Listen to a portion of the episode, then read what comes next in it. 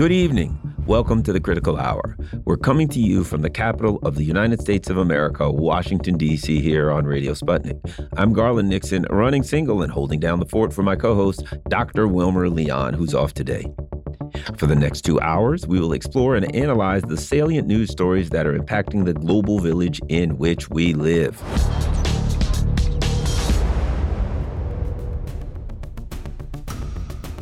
Russian President Vladimir Putin spoke today at the Eastern Economic Forum.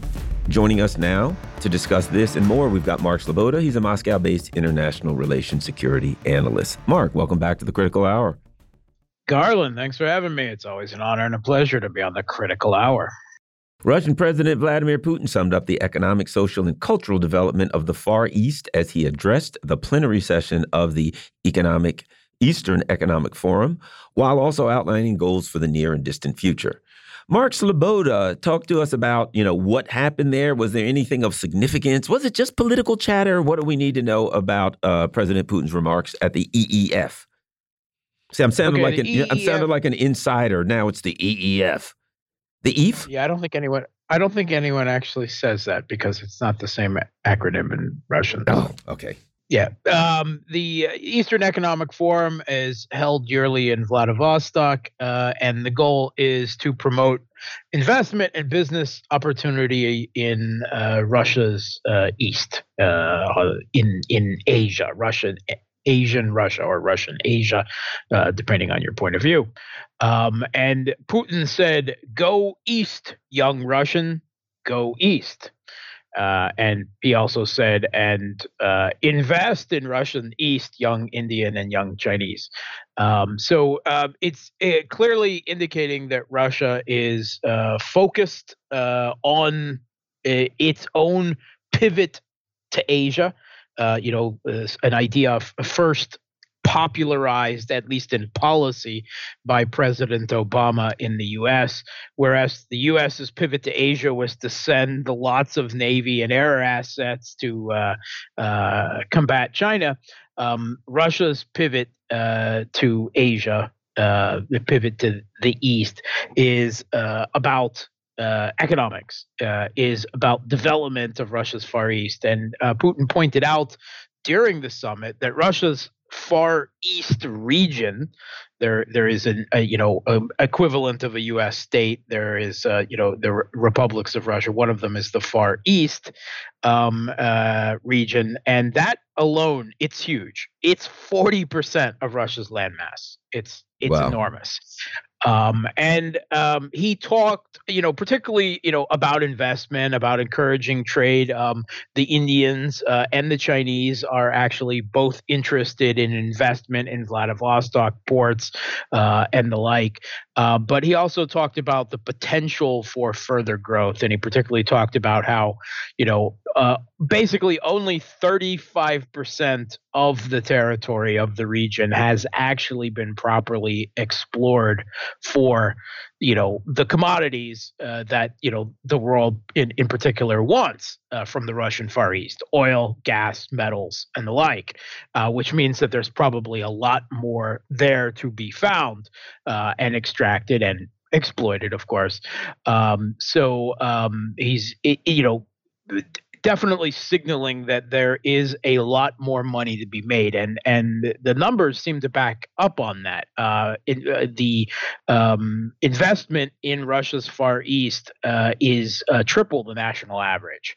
Uh, so uh, obviously, a lot of outside players are seeing that as well, and um, putting a, a a, really human face on the um, Eastern Economic uh, Forum, actually, the first day of it um, opened with um, a, a, rather uh, uh, unusual, uh, at least probably in the way uh, you know the West is used to thinking of Russia and uh, of Putin in particular, Falcon Day, a a day to promote uh, you know, specifically, you know, uh, nationally, but also at the Eastern Economic Forum, the conservation of um, uh, endangered falcons uh, and hawks uh, in uh, Russia, uh, you know, and particularly uh, in the Far East, where you know there are a number of them. And actually, you know, conservation is actually really high on Putin's personal agenda.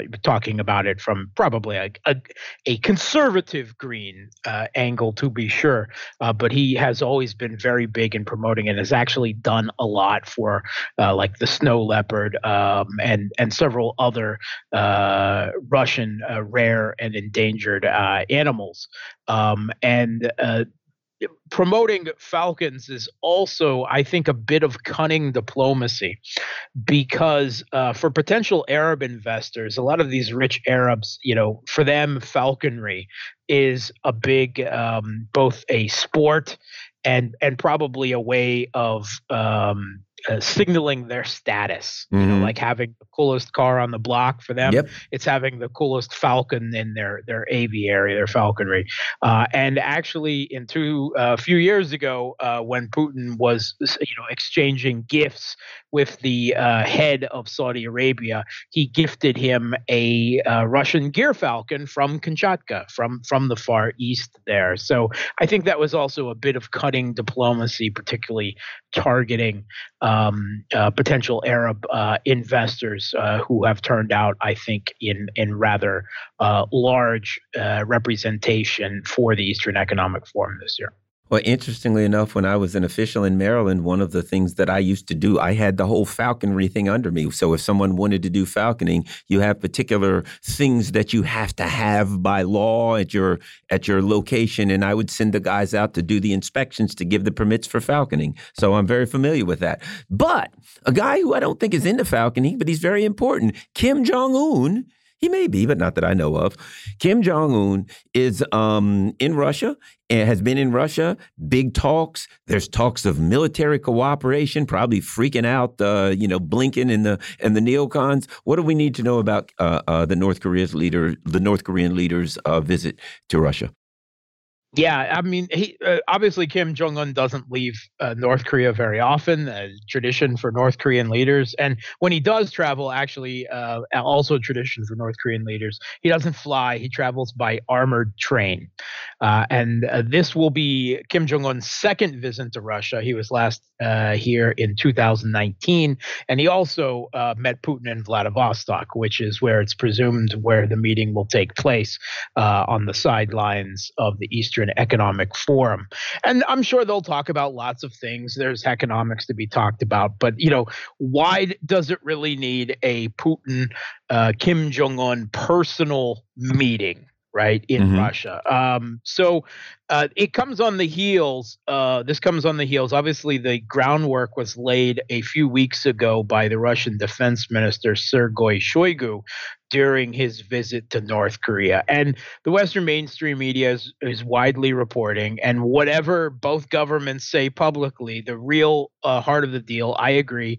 Uh, the reason they're meeting is that uh, after the U.S. turned to South Korea uh, to help provide artillery shells, uh, other munitions, and military equipment for Ukraine because NATO is tapped out.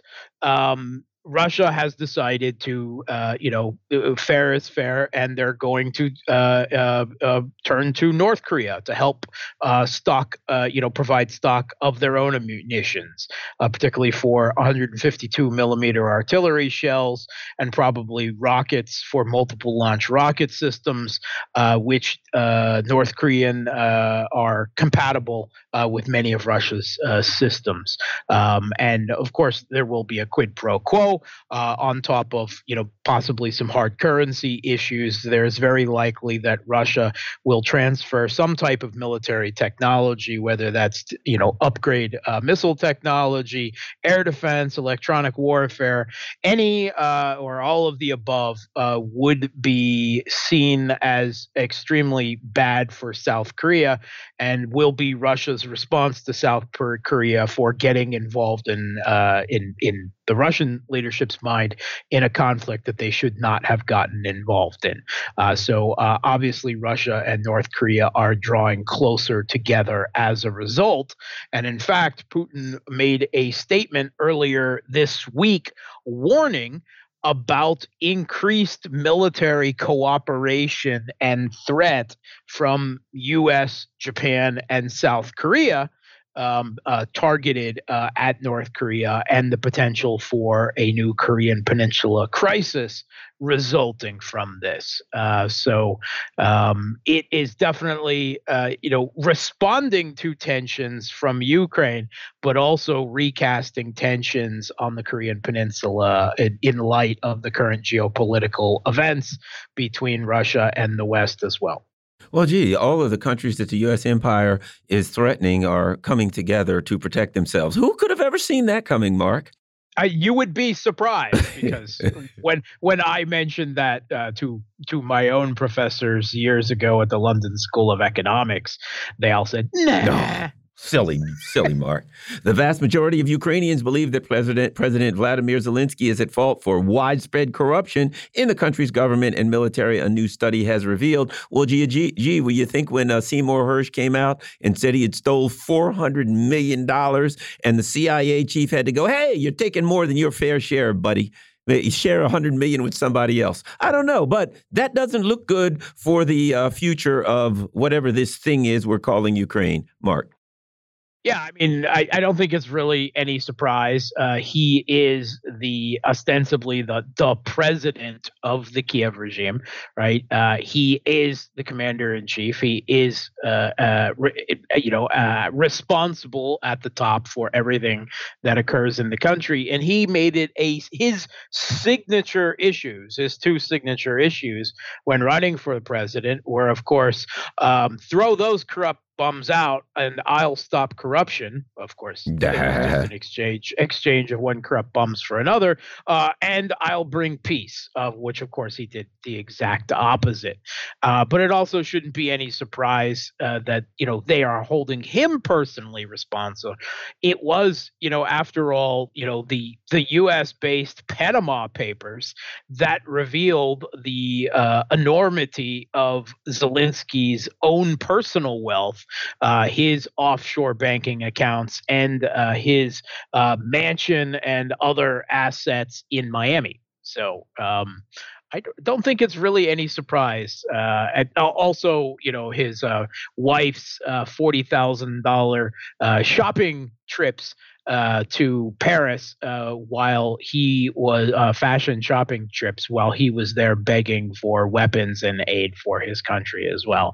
I don't think it's really any surprise that that Ukrainians have managed at least this way uh, to voice their discontent uh, with uh, the leader in Kiev, and it seems somehow that that this particular poll got by the Kiev regime's uh, censors uh, and total information control in the country, which I find very interesting.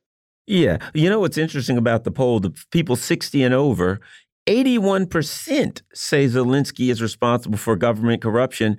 That's right around the approval rating for uh, President Vladimir Putin, if you look at it. So their numbers are kind of similar in a different kind of way, if you know what I'm saying, Mark. It's 80 something, it's also around the age of the U.S. octogenarian senile I never president. thought about that. Yeah, yeah. So it's, it's, Joe Biden's age. It's Zelensky. How many people in over 60 think he's crooked as a rattlesnake? And personally, I think, um, you know, it's not going to, in the long run, this is why they're going to, you get the last minute. This is why that government will eventually collapse, Mark.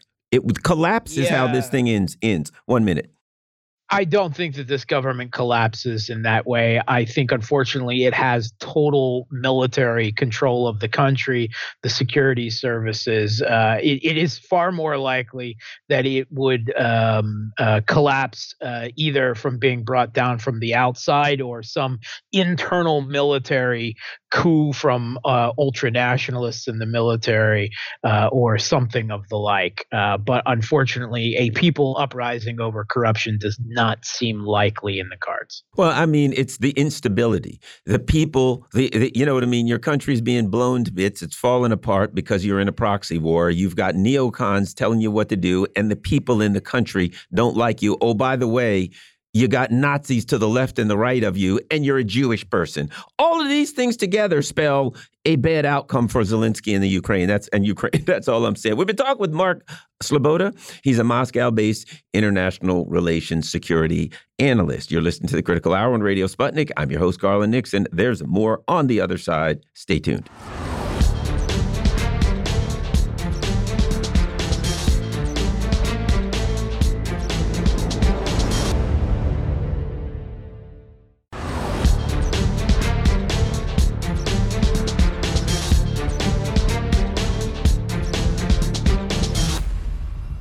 We are back, and you're listening to the Critical Hour on Radio Sputnik. I'm your host, Garland Nixon.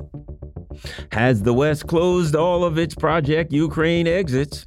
Dr. Gerald Horne is a professor of history at the University of Houston in Texas. He's an author, historian, a researcher, and a friend of the show, and he's here to let us know all about that and more. Dr. Horne, welcome back to the Critical Hour.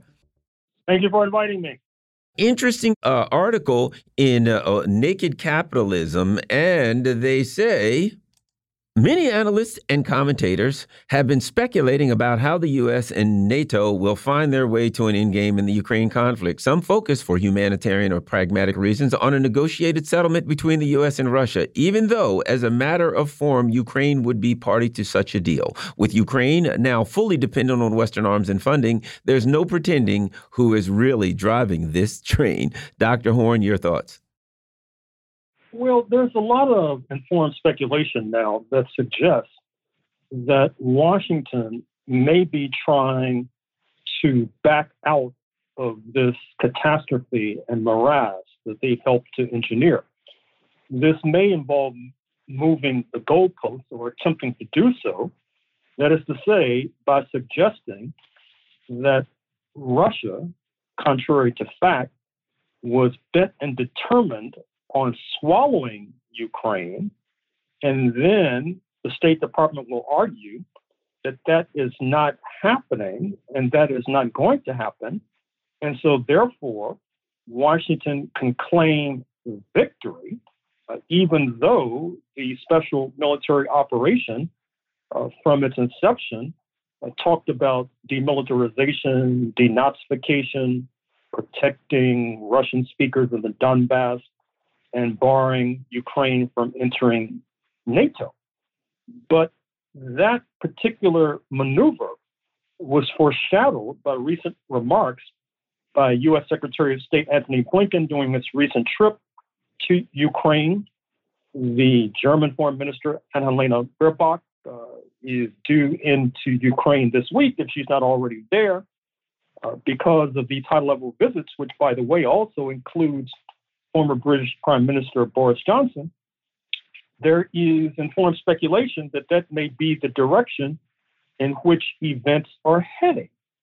If that is the case, uh, you can point to a number of important signposts along the road. For example, a few days earlier, the former French President Sarkozy uh, made remarks uh, congruent with that informed speculation, casting doubt on the ability of his country, France, to continue to support uh, this sinkhole uh, in Ukraine.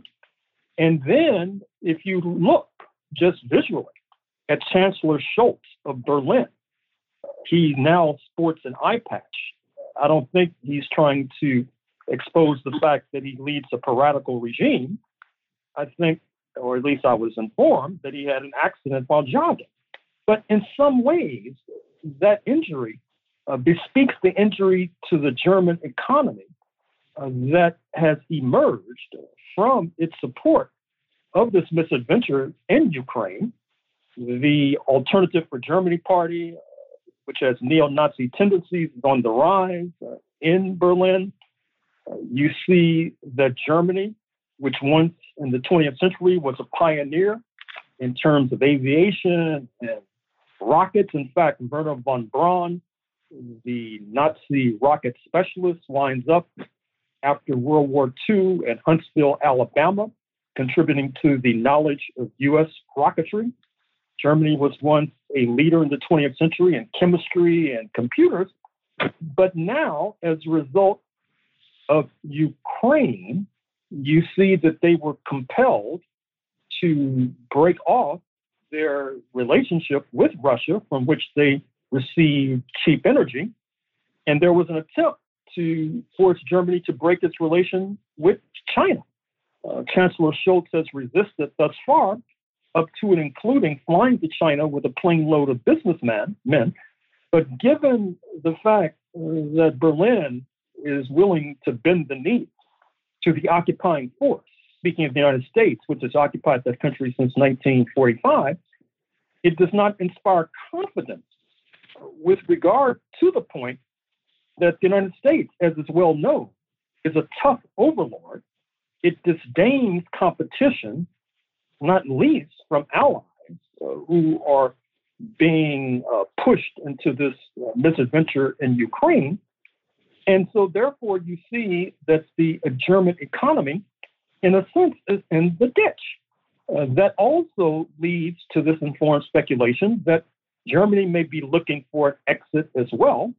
If you look at Poland, for example, in this morning's Wall Street Journal, there is a striking letter from Edward Luttwak, known to be quite close to U.S. intelligence and the Pentagon, where he rebukes Poland, saying that they need to move to conscription, drafting the flower of youth. And until they do, they cannot be taken seriously. Lech Walesa, who you may recall, ignited the tumultuous events in Poland with the organizing of the Solidarity Union, which, for whatever reason, got support from the United States of America's trade union movement which then contributed to the erosion of socialism in Eastern Europe as a whole, giving him a Nobel Prize, believe it or not.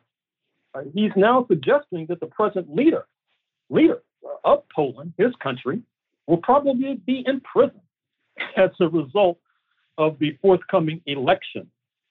That does not necessarily inspire confidence in Poland's foreign policy, to put it mildly.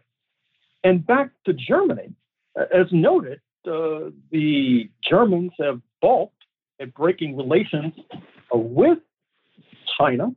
And in fact, if you look at the recent auto show in Munich, the star of the show was BYD of uh, China, which produces the sleek electric vehicles.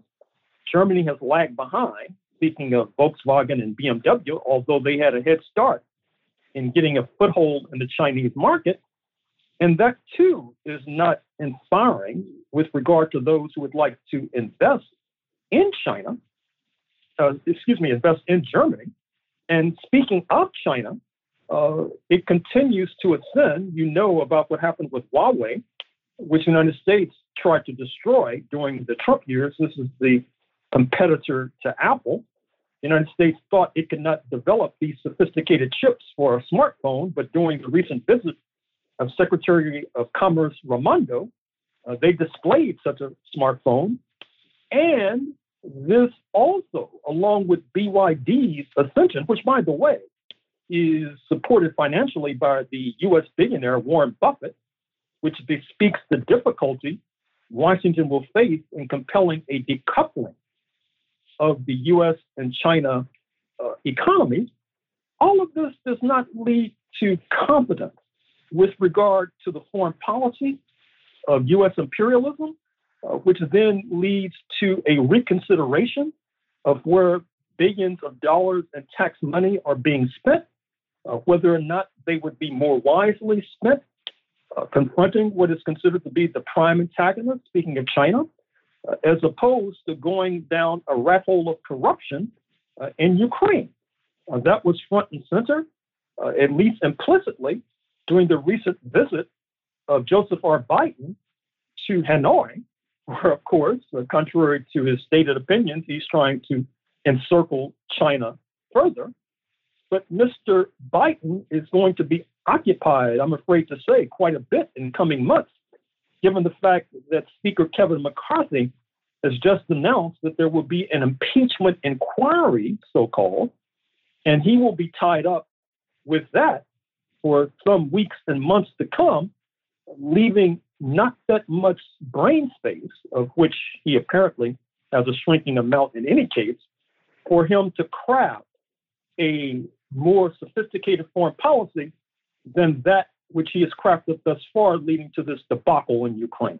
Um, Greanville Post, U.S. led NATO drowns Ukraine in a bloodbath. This bloodbath is an obscenity, a vast imperial crime with no effort at all by the U.S. and European leaders to sue for peace. We're hearing numbers of 400 and 500,000 killed, 50,000 arms and legs blown off. I do not think history will look kindly upon this when it when they when when it comes out what actually happened in Ukraine. Your thoughts, Dr. Horne? Well, that's apparent. Uh, President Obama hit the nail on the head when he suggested that in any conflict with Russia versus Ukraine, that the former, speaking of Moscow, would have, quote, escalatory dominance, unquote, quote unquote. Uh, this is a lesson that Mr. Biden chose to ignore, which should not be surprising because recall that Mr. Obama's former Secretary of Defense, Robert Gates, also a former CIA leader, also a former uh, Pentagon chief, if I'm not mistaken, uh, under uh, Mr. Bush, uh, suggest, the second Mr. Bush, suggested that Mr. Biden has been wrong on virtually every foreign policy issue in the last few decades, despite the fact that intermittently during his Senate tenure, he chaired the Senate Foreign Relations Committee. And so this does not uh, speak well uh, for uh, Mr. Biden. likewise, uh, with regard to, once again, this policy in the Ukraine, which has led to this indelicate term of meat grinder to suggest what's happening to Ukrainian troops.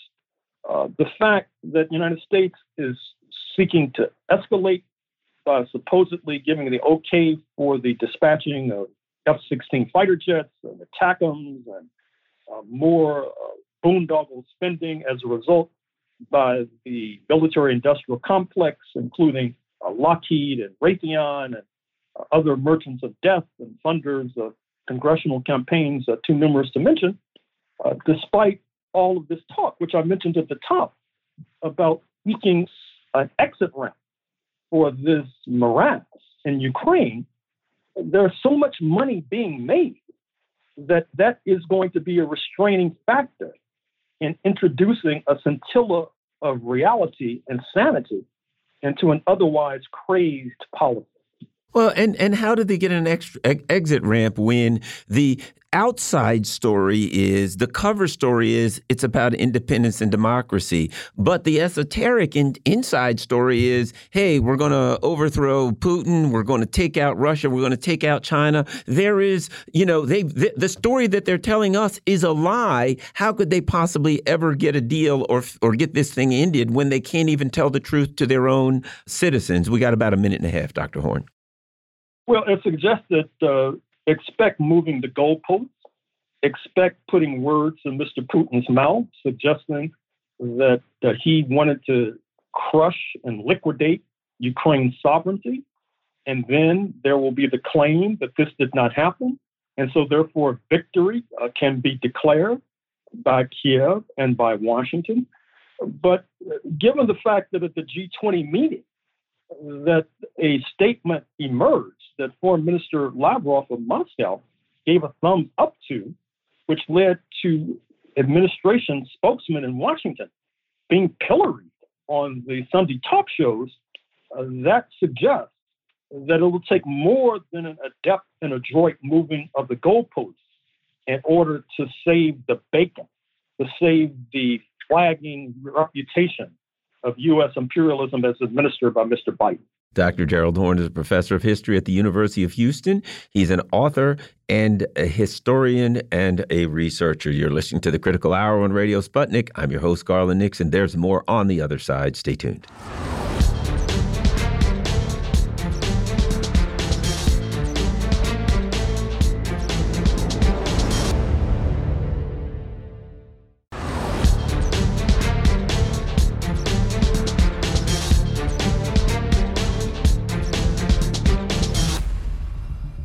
Are back, and you're listening to the Critical Hour on Radio Sputnik. I'm your host, Garland Nixon. The leaders of Niger, Niger say that France is amassing troops and uh, equipment in ECOWAS states for a possible military intervention. Joining us now to talk about this and more, we've got Thomas Mountain. He is an independent journalist and historian. Thomas, welcome back to the Critical Hour. Good to be back. Niger's military has accused France of gathering forces and equipment in several West African countries with a view to launching a, quote, a military intervention against Niamey. Um, Thomas, we've been hearing this now for weeks. We've been hearing threats of a military intervention. We know that there is a great trepidation amongst ECOWAS states as some of them could face uh, instability internally if they would participate in such an intervention. Your thoughts? Will France go in? What's it all mean, Thomas Mountain? Well, see, the reality in France is that they have a president that's in effect an emperor. I mean, he he can force through uh, domestic law without any consultation from the parliament, and he's got a completely free hand when it comes to international politics. So he's he's like Emperor Emmanuel the First. So uh, you know what he's going to do. I mean, he, he's under a lot of pressure right now because you know things are crumbling from the French colonies. The U.S. is actively trying to poach, you know, these colonies from the French. But um, you know, his his main concern right now is to try to maintain some sort of credibility. But they got, they got he's got a big problem. For example, uh, you know, uh, his main it, Nigeria is not really a French colony, but you know, they're the big military force that was the, the hammer behind the threat behind the ECOWAS at uh, invading Niger. Now, Nigeria is in a big political crisis since the new president has got elected. He just instituted a uh, IMF and austerity program that's causing all kind of crisis in the country. So, you know, Nigeria is fighting a war against their own insurgency up in the north. So, you know, for him to go in into Niger, where everybody in Nigeria is just in uproar over his policies, I don't think he can do it. Now, he, there is still uh, Ghana and Ivory Coast. Now, Ivory Coast, remember, the French did a basically coup against the election of Lawrence Gbagbo back in, I think, 2010, where mm-hmm.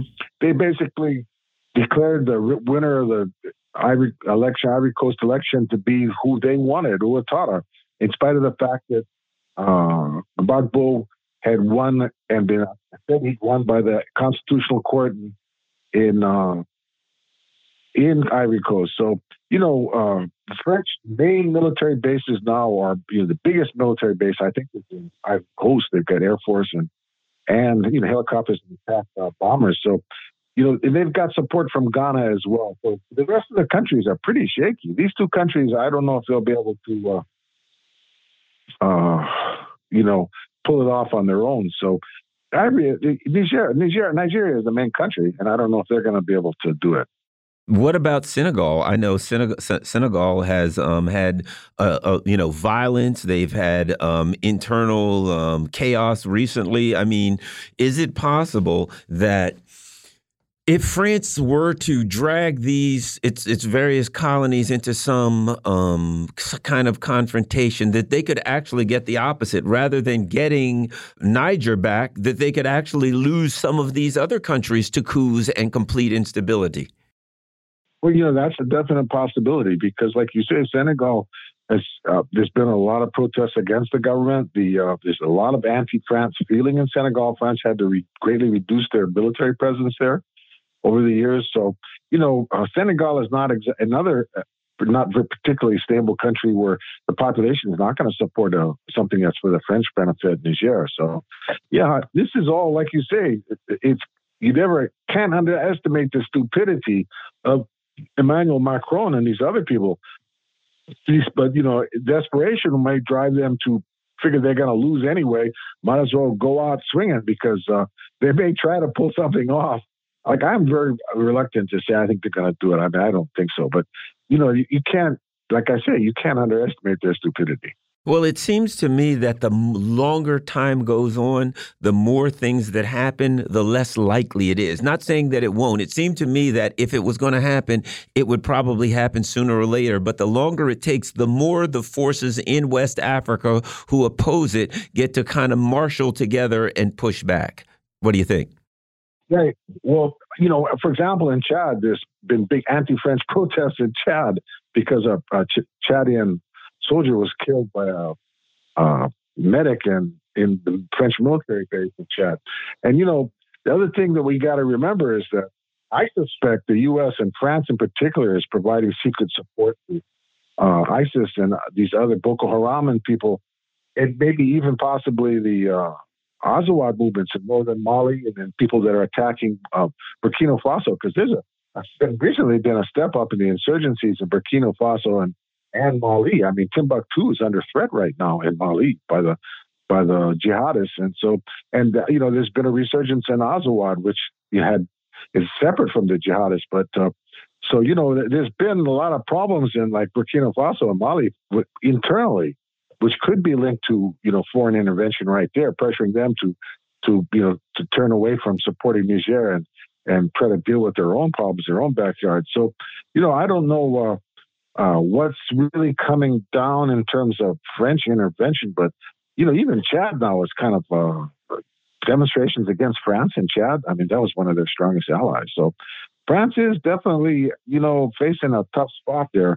You know, and of course, the United States has moved their base in Niger up, up four or five hundred miles north from uh, Niamey, the capital of uh, Niger, up to a more remote area. And uh, so, you know, the United States is is aware of you know the anti Western sentiments of the people. They're right now they're focused on the French because that's the traditional enemy, but it could quickly swing against the U.S. if the people see the U.S. as being behind any kind of attack on Niger on the government there. So we'll see what happens.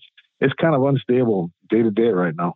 Now, how does the the U.S. having the bases in Niger, you know, that's the, the other part of it, you know, in Niger and these other countries, you know, from one perspective, the U.S. has bases in these countries, it can use them, and it has influence in this country, in in, the, in various countries throughout Africa. From the other perspective, it has bases in Africa that could be targeted for attack from various uh, uh, factions if they are unhappy with the U.S.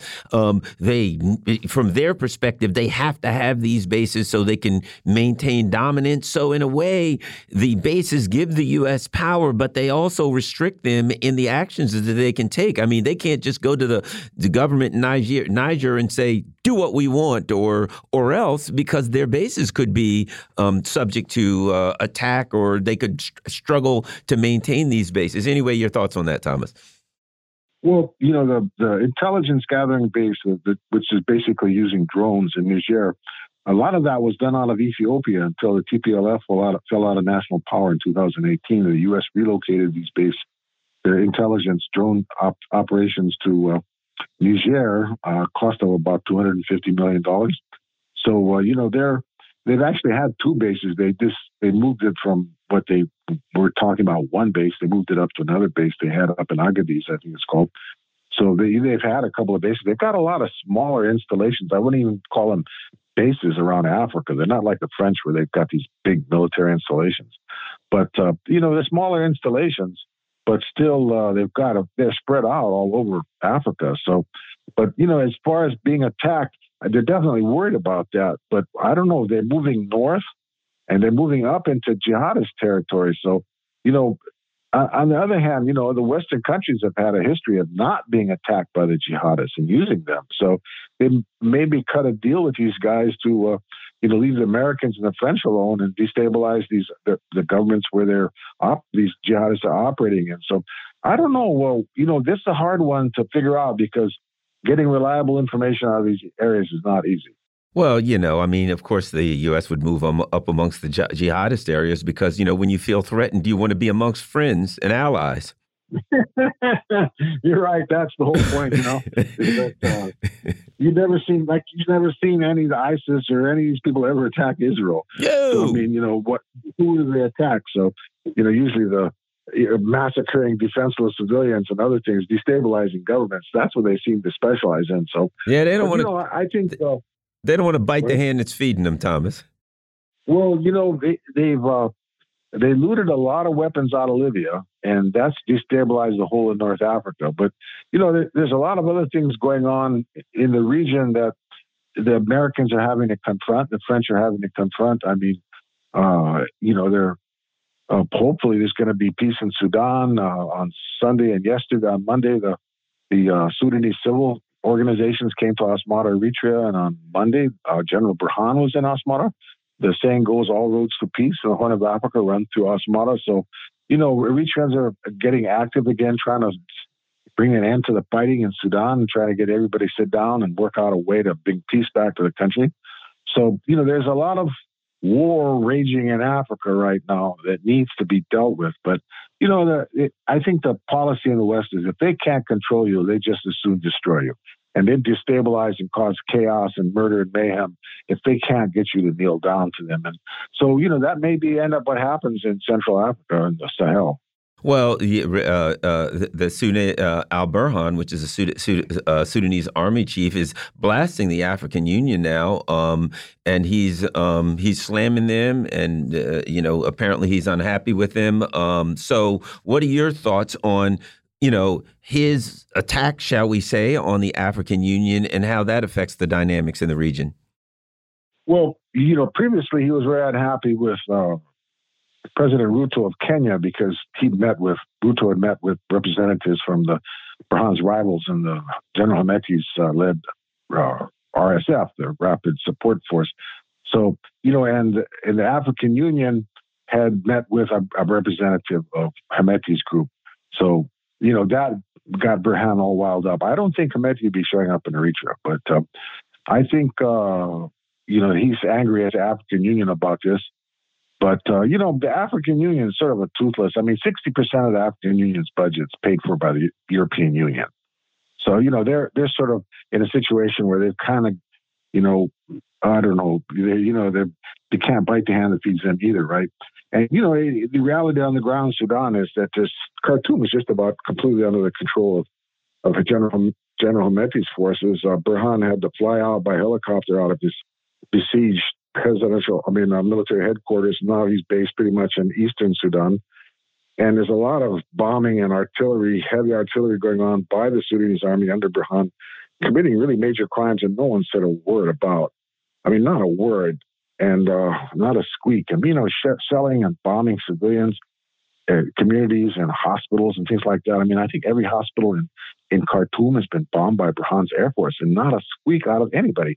And on top of that, the U.S. has now uh, put sanctions on Burhan's, I'm not Burhan, but Hemeti's uh, brother, second in command of the RSF. So it's clear where the West is starting to swing in all this. And I think even the Arab countries are starting to line up behind Burhan too. But we'll see. Like I say, all roads to peace in the Horn of Africa run through Asmara Eritrea, and, and Eritrea stepped up their efforts, and uh, I hope for the best. Uh, we got about two minutes. Gabon's uh, interim prime minister names new government. However, no opposition figures excluded. What can we learn from that? We got two minutes. Yeah, well, I kind of predicted this in our last show. Uh, you know, the it's supposed to be a member of the presidential family. The Bongo family is now the you know he was the head of their presidential security. He's taken over, and you know they haven't they haven't rocked the boat with France or anybody else like that. You know, they're this is like sort of a palace coup, mm-hmm. and I don't think. Uh, I don't think that's it. you're going to see anything like the other African countries where you're going to see the sort of a unleashing of people's anger against the uh, particularly France and the Western countries. So Gabon is, I think, still pretty much under the grip of the West. It just was a palace coup. I think you yeah, there are many people, me included, who, who agree with you. We're looking at this particular coup with jaundiced eyes, shall we say. You're listening to the Critical Hour on Radio Sputnik. I'm your host, Garland Nixon. There's more on the other side. Stay tuned.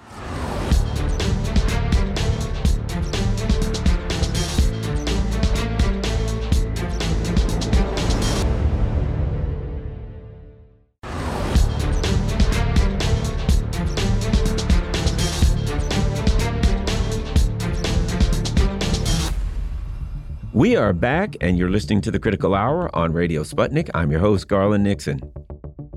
According to a article in the Greanville Post, President Donald Trump was the timely beneficiary of overwhelming disgust with the two-party system and its inability to further working class interests. Hmm. Joining us now for discussion about this and more, we've got Jim Kavanagh. He's a writer at thepolemicist.net and Counterpunch. Jim Kavanagh, welcome back to the Critical Hour.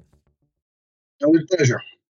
All right. This article says The existing system provides a facade of democracy while promoting capitalist class interest and shielding the actual policymakers from any accountability for their lack of furthering working class interest. If managed properly, the capitalist class can play both sides against each other in perpetuity without having to offer any concessions to the working class. You know, Jim, when I think of that, I think of all of these people, they Trump they charge Trump and and and all of these people jumping up and down, hooray! they charge Trump as if they get something out of that. It's like we're charging Trump. We're going to do nothing for you. We're going to destroy your life, but you should celebrate as if you're getting something out of us charging Trump. Your thoughts on all of this, Jim Kavanagh? Yeah, well, this is the uh, what I call the seesaw or the merry-go-round. You know, uh, the Democrats come in, and this is the this is the a standard part of the strategy now, and they impeach the, the Republican president, the Republicans impeach the Democratic president, and they argue about these things.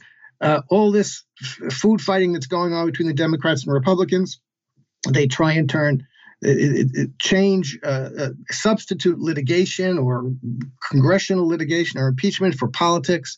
And it is a, a way of distracting from the fact that they're not doing anything that really is changing the lives of people for the better and making the world, making the United States a, a, a decent place to live for most people and a place where people can have decent lives and good lives and happy lives and not have economic insecurity and make the world a place that isn't filled with forever wars. And it is, it, it, it's diversionary clown circus, and that's what it is, and that's what they want. They want these fights. The, the Democrats are loving the fact that the Republicans are going to impeach uh, Biden because they have that fight, and it's all just a bunch of theater. Well, you know, and when it comes to Donald Trump, the one thing I like to say is Donald Trump didn't come into American politics. He came out of American politics. What is not discussed is this there had to be a dynamic in American politics for a person like Donald Trump to be attractive, to, to be more attractive than Hillary Clinton or whoever else is, available. And th that dynamic is never discussed. People are in desperation. 2008 eight hits, the U.S. bails out the banks and leaves Main Street to suffer. And it's it shouldn't be so, uh, shocking that the people looked for any kind of alternative other than a traditional politician. Jim. Yeah, exactly. Look, Barack Obama came in on hope and change. He came in on a huge wave of popularity. And people, the papers were writing, this is the beginning of Democratic hegemony forever, blah, blah, blah, blah, blah. He ended up losing the Democrats lost like a thousand legislators, state legislative legislative seats, uh, and uh, Hillary Clinton couldn't beat a game show host. And nobody thought Donald Trump because the people who were voting for Donald Trump, they were even saying this on CNN last week. Oh, you know, people vote for Donald Trump just just to kind of stick it in the eye of the establishment. They don't really believe Donald Trump is some great guy. They just he, he's someone who's the, the, is anti-establishment, and the failure of the possibility that was there, the promise that was made by Obama. We're going to have a uh, end the forever wars. We're going to have health insurance for everyone. Baloney. Obamacare was a was a was a, a, a, subsidy for the private health insurance companies, a savior for the private health insurance companies, and an obstacle to Medicare for all, which is what it was designed by Obama to be, not by the Republicans. Republicans couldn't have stopped when Obama was president in early 2000, 2000 uh, uh, uh, uh, 2009, they couldn't have stopped Medicare for all. It was the Democrats wouldn't do it and don't do it because they're opposed to it. Obama was opposed to it. Uh, uh, Joe Biden was opposed to it. The Democrats, any political party that came in and instituted single payer universal health insurance and ended the, the, the imperialist wars would win every election on those two things alone. And they all promised to do it. And they don't want to do it. They're lying. They're there at the behest of their donor class. That's the Democrats as well as the Republicans.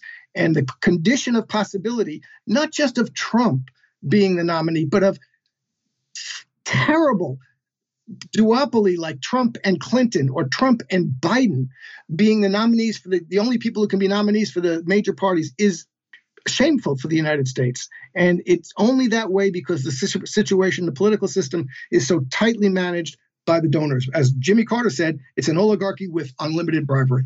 You know, Jim, in his book Mythologies, Roland Barthes compared um, pol politics to world, you know, to wrestling, to championship wrestling. And basically, one of the things that he argued is, look, in wrestling, people know that the good guy's not a good guy and the bad guy's not a bad guy. They know it's a show but they get the same feeling as though the good guy was a good. They get the joy and happiness when the good guy won. They get the sadness when the good guy gets hit over the head with a chair. So they know it's not real, but they like the good feeling and they figure, well, we'll get the same good feeling as though it was real.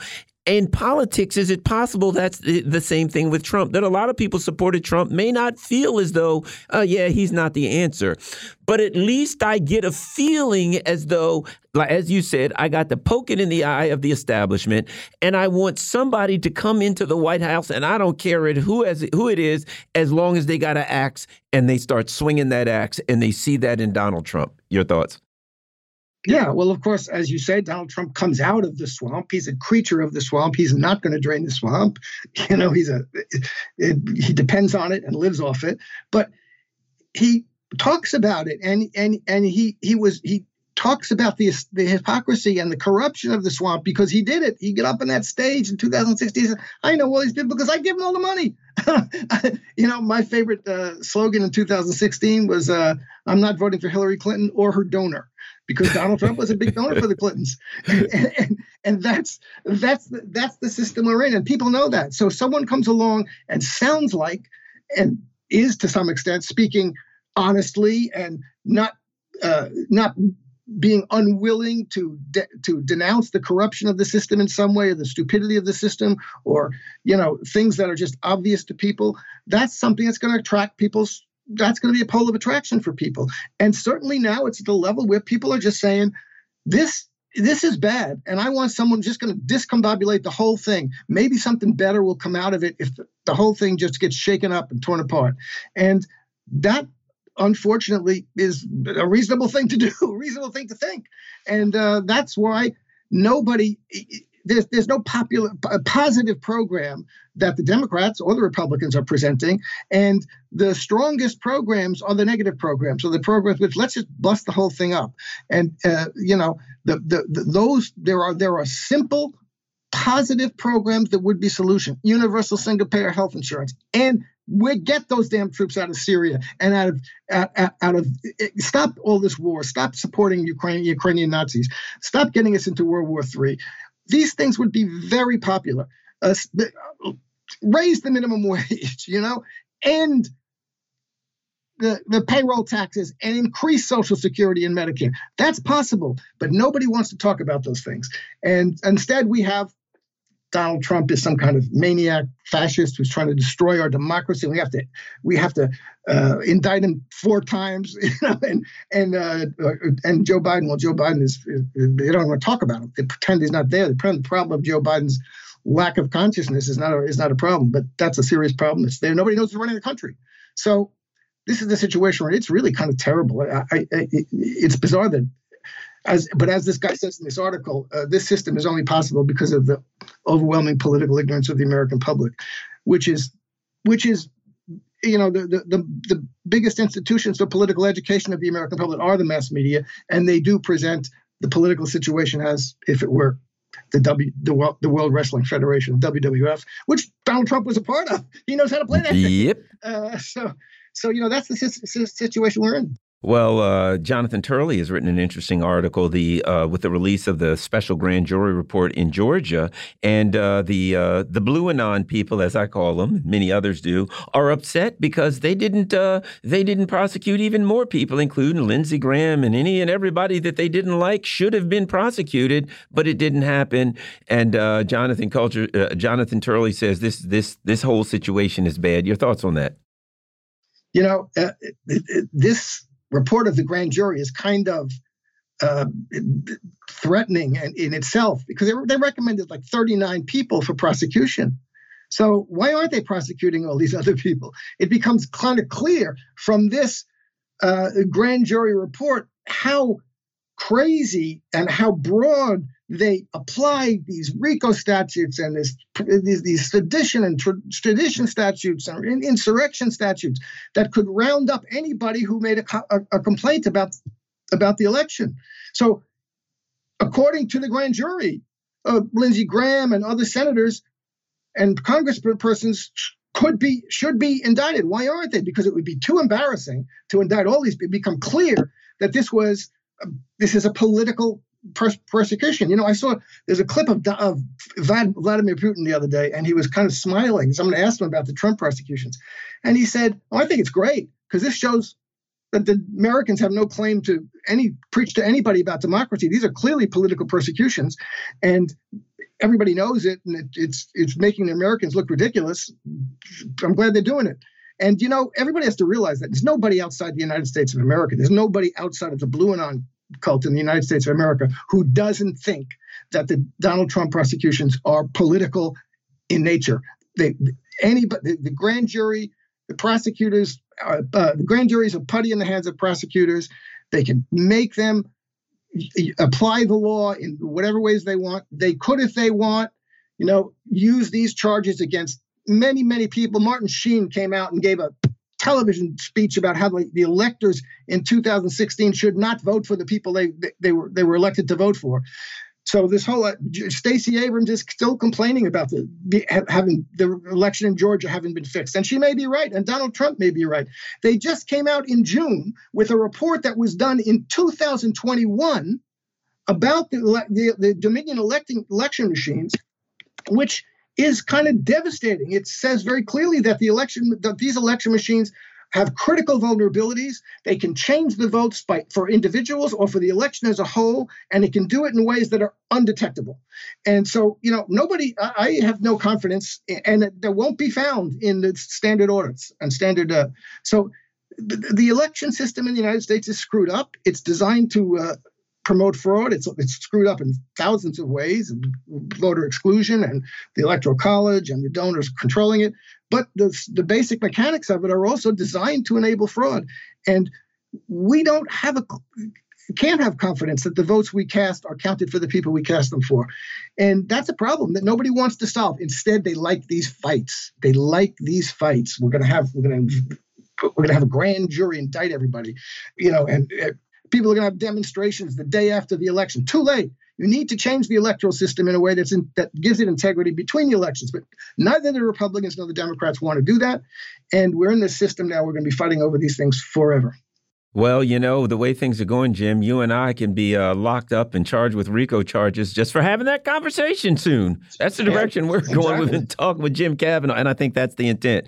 Jim Kavanagh is a writer at thepolemicist.net and Counterpunch. You can find him on Twitter, unlike me. You're listening to the Critical Hour on Radio Sputnik. I'm your host, Garland Nixon. There's more on the other side. Stay tuned.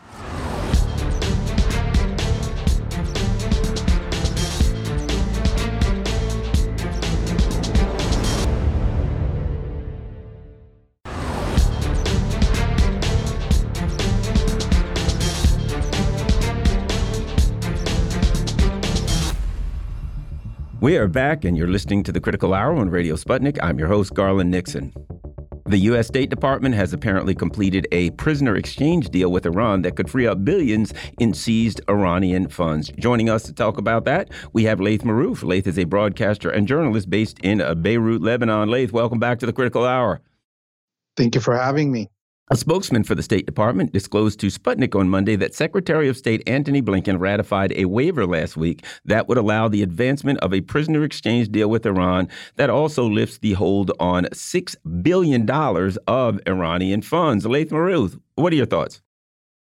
Well, this comes at the same time as the United States uh, pirated uh, a billion dollars worth of uh, oil from a ship going to China from Iran. So, yes, the United States uh, is trying to, on the one hand, get some of its spies that were captured in Iran uh, freed in exchange for some money held uh, illegally pirated and and uh, robbed uh, by by the United States from Iran, and at the same time, it will continue to act as a uh, pirate uh, in within this relationships with Iran and um, in other places. So this does not mean a change in American policy. It just means that uh, the United States is doing tactical maneuvers to get uh, back at its uh, uh, you know competitor Iran and take back some of its spies that were captured there. You know, there's a. a, a I'm glad you mentioned in the pirating that will continue because that takes us directly to the next story.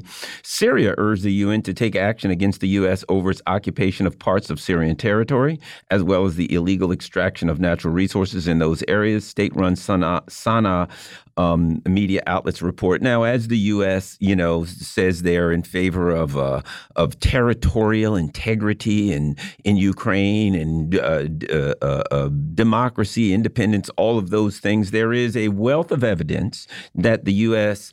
Um, and its proxies have been stealing literally pilfering oil from uh, Syria. I mean, why else would you um, would you stay in its oil fields of all places, selling them on the open market, and God only knows what's happening to the funds. Your thoughts on um, on Syria going to the UN now and making this demand? Yeah, and of course, the United Nations is not going to do anything about this because the United Nations is a organization that has uh, showed uh, it was useless since uh, the end of World War II, since its foundation with the creation of the Zionist colony. So, what we see right now here is the United States uh, acting continuously as an imperial power and with force looting the resources of others. Um, and at the same time, with the rise of multipolarity, this reality is being uh, limited in spheres of influence of countries that have the ability to respond back, like Iran, like uh, China, like uh, Russia, and make sure that their spheres of influence are not encroached on. And so here we have uh, one of the desperate moments of the United States. The only place that it can still do this uh, openly like that is in Syria because uh, the only option left in front of the Syrian people is direct confrontation with the United States. And uh, that's what the United States actually seems to want. I tell you this I think the United States wants to drag Syria into confrontation with it. Uh, to be able to have a reason to confront Russia in a non NATO uh, situation. And uh, I think uh, much of the misery and suffering in Syria right now is hinging on that fact that the United States uh, sees the uh, playing field of Syria as a uh, return, a comeback for Russia's takeover of what used to be Ukrainian territory. One of the things that this article says is General Mark Milley last month, he's the chairman of the U.S. Joint Chiefs of Staff, Chiefs of Staff said that the U.S. would continue to stay in Syria for the foreseeable future and said that um, Washington will not, quote, ever walk away from the Middle East. Now, Iran and other entities in the Middle East have said that they will drive the U.S. out, while in fact it's you know it's likely that the the the um, the Syrian state or one of the state actors probably won't directly confront the U.S that recently there was one of the local um, a private militia in Iraq and in, and and some of the other pri private militias have vowed to drive the United States from the region. What do you think the dynamics of of of uh, the utilization of private militias to act against the U.S. in the region? Well, you see, the United States, uh, of course, is using uh, its Kurdish militias in the north uh, east of, the, of Syria and in Iraq. And as we see for the last few weeks now, it has been moving demonstrations in the south east of Syria in the Suwaida province. Um, it's a game right now of who can withstand this first look. The much of the axis of resistance has also, of course, its uh, forces on the ground, and the axis of resistance is betting on a war inside Palestine uh, that brings down the main uh, axis of, uh, you know, a, a position for military power for the United States and imperial forces in the region. Um, because, and while the United States is betting on creating more uh, battle zones in Iraq and Syria and Lebanon to distract the uh, axis of resistance. So now it's a, it's a game of who can uh, withstand this. Uh, you know, slow attrition that is happening in the whole region um, more. And clearly, as we see in the ground on Palestine, it is on fire on a daily basis and is getting more and more uh, harder for Israel to, uh, you know, maintain not full war uh, positionality. Otherwise, it's going to have fire inside the colony and uh, it has to export it somewhere. English Al-Mayadeen, Mohammed Youssef Al Muqaddam liberated after 22 years, after 22 years in Israeli prisons on charges of participating in resistance, which, as I understand, is uh, under national law, is uh, you know is is certainly um, a right of those who are being uh, um, occupied. Palestinian prisoner Mohammed Youssef Al Muqaddam has been liberated. Uh, your thoughts on this story? Well, this also comes. Look, the guy is 44 years old now, so 22 years of his life were in jail. That's when he came inside in the prisons of uh, the Zionist colony for standing up for his rights. And it comes also, by the way, at the uh, you know anniversary of the you know partial liberation of Gaza when the Israelis withdrew um, from there, and we heard much of the both the prisoner groups um, representatives and the resistance groups uh, speaking about the connection of uh, you know the position of the prisoners in in Israeli jails and the liberation struggle and how that this is a you know core part of our values as Palestinians to stand up for our prisoners as much as we stand up for our martyrs and our victims. And so um, you know, also we can see from the speeches that came out uh, for both of those uh, anniversaries that uh, that um, you know most of of the Palestinians are speaking about seeing the end and how uh, the liberation of Gaza was the first step to, uh, as we see, the end of the Zionist colony. What I find also interesting about that story, and this is something that so many people don't know in the West, they end with it is worth noting that approximately 5,000 Palestinian prisoners are currently held in Israeli jails, including 31 women in Damon prison, as well as 160 children distributed in Ofer, Mashdod, and Damon prisons. And um, what most Americans don't know is that many of those people are held on what's called administrative detentions, meaning they have no charges, they have not been accused of a crime, they have got no uh, uh, opportunity to speak for themselves, to be represented, or anything like that. That the basically the Israelis can simply pick them up, put them in jail, and leave them there until they are of a whim to let them let them go. Your thoughts? That's basically, um, you know, upwards of 20 somewhat percent of the population of the West Bank has spent time in Israeli jails over the last, uh, you know, 30 somewhat years since the occupation started of the West Bank. Um, um, and so uh, what we see here is a whole, you know, criminalization of a society. And the Israelis are clear that they want to criminalize children, they want to criminalize women. They want to criminalize anybody that speaks up, uh, even just with words, against their uh, Jewish supremacist colony.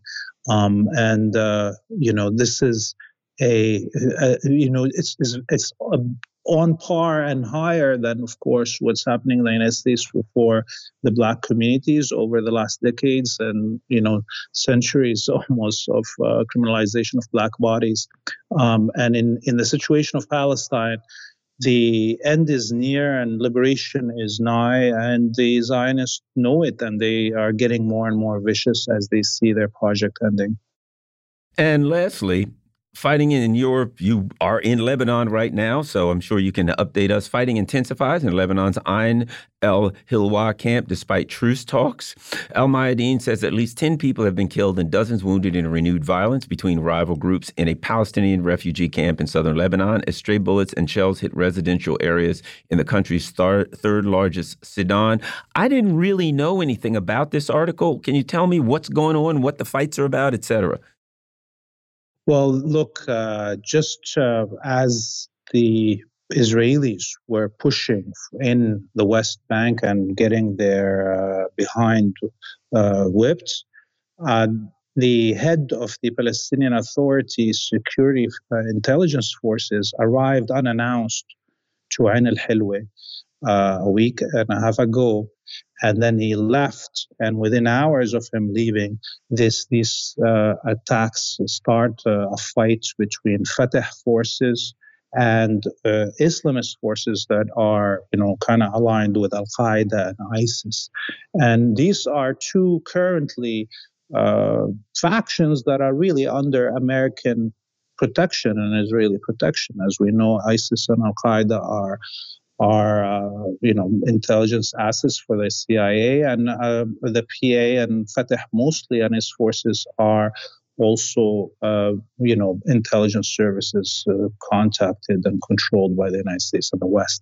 And so to see this attacks happening in Ain al-Hilwa the largest camp in the south of Lebanon, the largest Palestinian camp, and this sits besides uh, Saida Saidun, as you called it in English, uh, the third largest city in Lebanon and on the main highway uh, from the south of Lebanon. And so it's clear uh, attempt to show threats to the axis of resistance uh, and the ability of uh, American and collaborationist Palestinian forces like the PA to cause harm and cut off the south of Lebanon from the rest of the country uh, in retaliation for the axis of resistance supplying um, weapons and bombs and materials to the resistance in the West Bank. Thanks very much. We've been talking with Laith Marouf. Laith Marouf is a journalist. He's based in uh, Beirut, Lebanon. You're listening to the Critical Hour on Radio Sputnik. I'm your host, Garland Nixon. There's more on the other side. Stay tuned.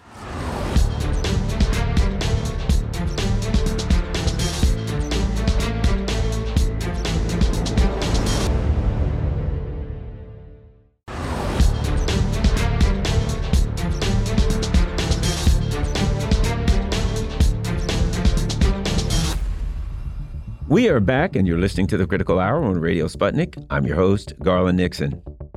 Jonathan Cook writes that the West blueprint for goading China was laid out in Ukraine. Joining us now to discuss this and more, we have Dr. David Oualaalou. He's an author and international security analyst and host of the Geopolitics in Conflict show on YouTube, one of my favorite shows. I never miss it. Dr. Oualaalou, welcome back to the Critical Hour. Pleasure to be with you, Garland. Jonathan Cook writes The West is writing a script about its relations with Ukraine as stuffed full of misdirection as an Agatha Christie novel in recent months. U.S. and European officials have scurried to Beijing for so called talks as if the year were 1972 and Richard Nixon were in the White House. But there will be no dramatic, era defining U.S. China pact this time. If relations are to change, it will be decisively for the worst. Your thoughts, Dr. Oualaalou? Well, I, I, couldn't agree more with the author regarding this point because we are seeing already where the tensions are gearing up. So for Ukraine, it's nothing but almost, I feel like a springboard for what's coming up in Asia and specifically has to do with Taiwan and the South China Sea. So this is why we are noticing on both ends, from the United States aspects, we are trying to woo and, and sort of uh, uh, suck in all the other countries in the region from New Zealand to Philippines to Indonesia, uh, Malaysia to a degree. Of course, South Korea and Japan are already gone, and India now to a degree. And, and, the, and the whole reason for it, because the United States wants to so called contain China, which I believe, and I've been arguing this for, for a while now, that containment policy, it's not going to work. The reason being is because it's too late for that. That might have worked 30 years ago. China has moved far, uh, uh, fast forward, and, and there is no no there, there is no way. It's too late for that. On the other hand, we're seeing also uh, uh, uh, regional countries there, like for example, which what just happened today with the visit of the North Korean Kim Jong Un to to Moscow. He's right now in Moscow, and if I am to guess as an analyst, they are probably addressing how can we structure a military alliance that will be a countermeasure to what the United States is doing in Asia. And of course, it's not going to be just between North Korea and and uh, and uh, uh, Russia. Uh, mark my word on it. That's going to include China. And I will even go further and say that it might also include Iran. So you'll be looking at an alliance that is very militarily capable of countering the US. You know, Dr. Oualaalou, while the U.S. is, you know, uh, the world is looking at what's happening in Ukraine and seeing that, you know, this is the U.S.'s plan. Okay, we're going to sharpen up the country or the, um, as close as we can get to your border, the people there, we're going to sharpen them up like a knife and we're going to stick them to your throat. That's what we're going to do with Ukraine.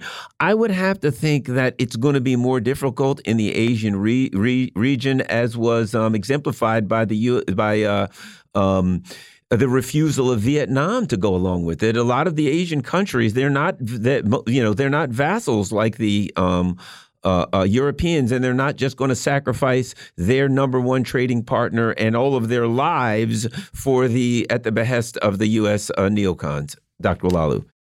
Well, spot on, Garland. I, I couldn't agree more with your assertion. And this explains why President Biden after the conclusion of the G20 summit in India, where was his next stop?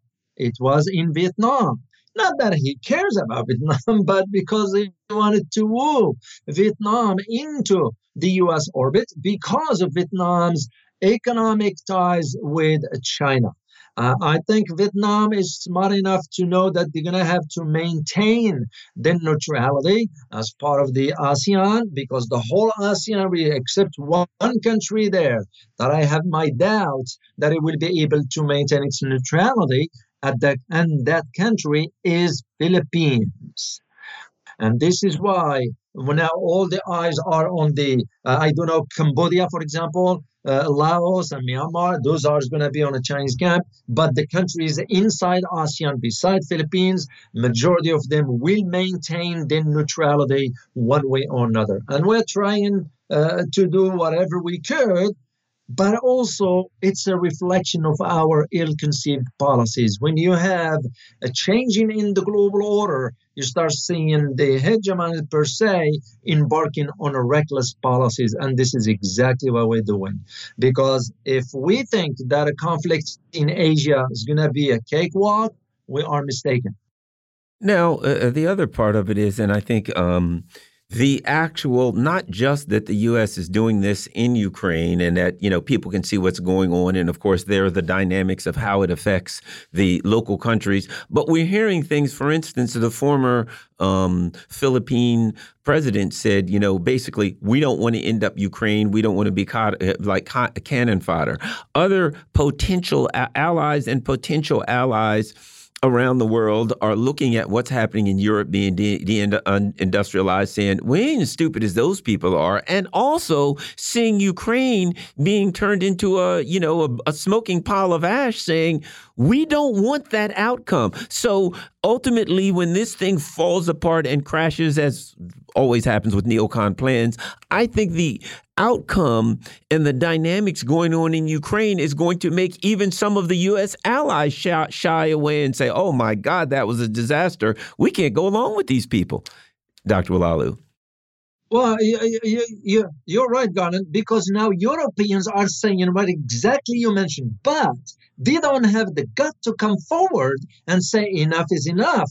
But because you're looking now at France, you're looking at a German economy is going down. You're looking at the UK is going down. All of them economically they are suffering massively, and they are not. You know, the the, the population is not uh, sort of being informed by their own government. Well, this has to do with the policies they embarked on. So countries in Asia, for example, they are thinking, yeah, you're right, Garland. They don't want to end up being another Ukraine there because if Philippines think or, or, or, or Taiwan or whomever think that we're going to come to their aid, they are mistaken. Now, for Japan and South Korea, those are, you know, with no sovereignty, uh, the similar way that I am seeing now with uh, Australia, of course.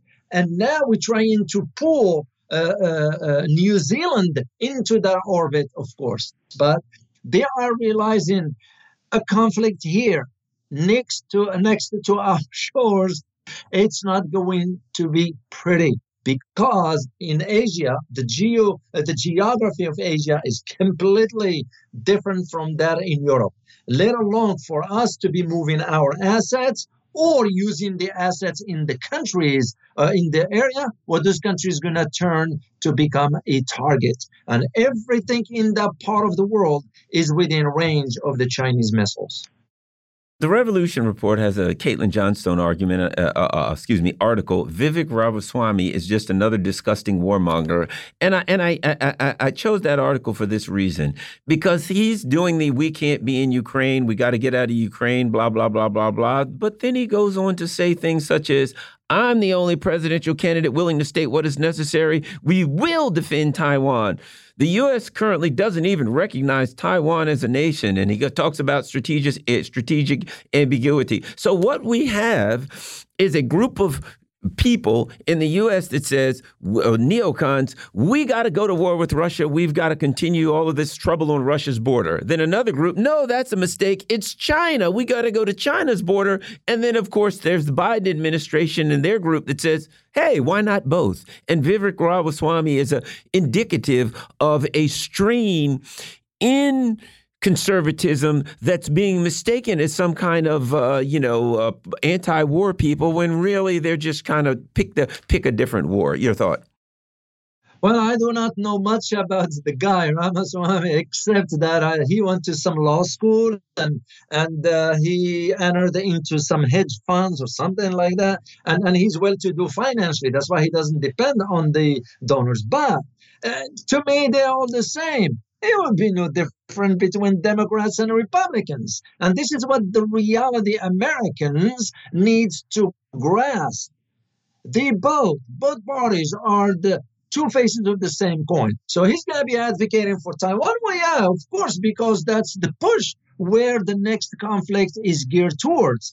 But mind you, just for your listeners to know, the Pentagon has run a scenario a few years ago I was aware of uh, in, in, in case a simulation that was, in case of a military conflict with China. Uh, the, uh, the scenario was about 18 times. Out of the 18, 17 times we lost the war.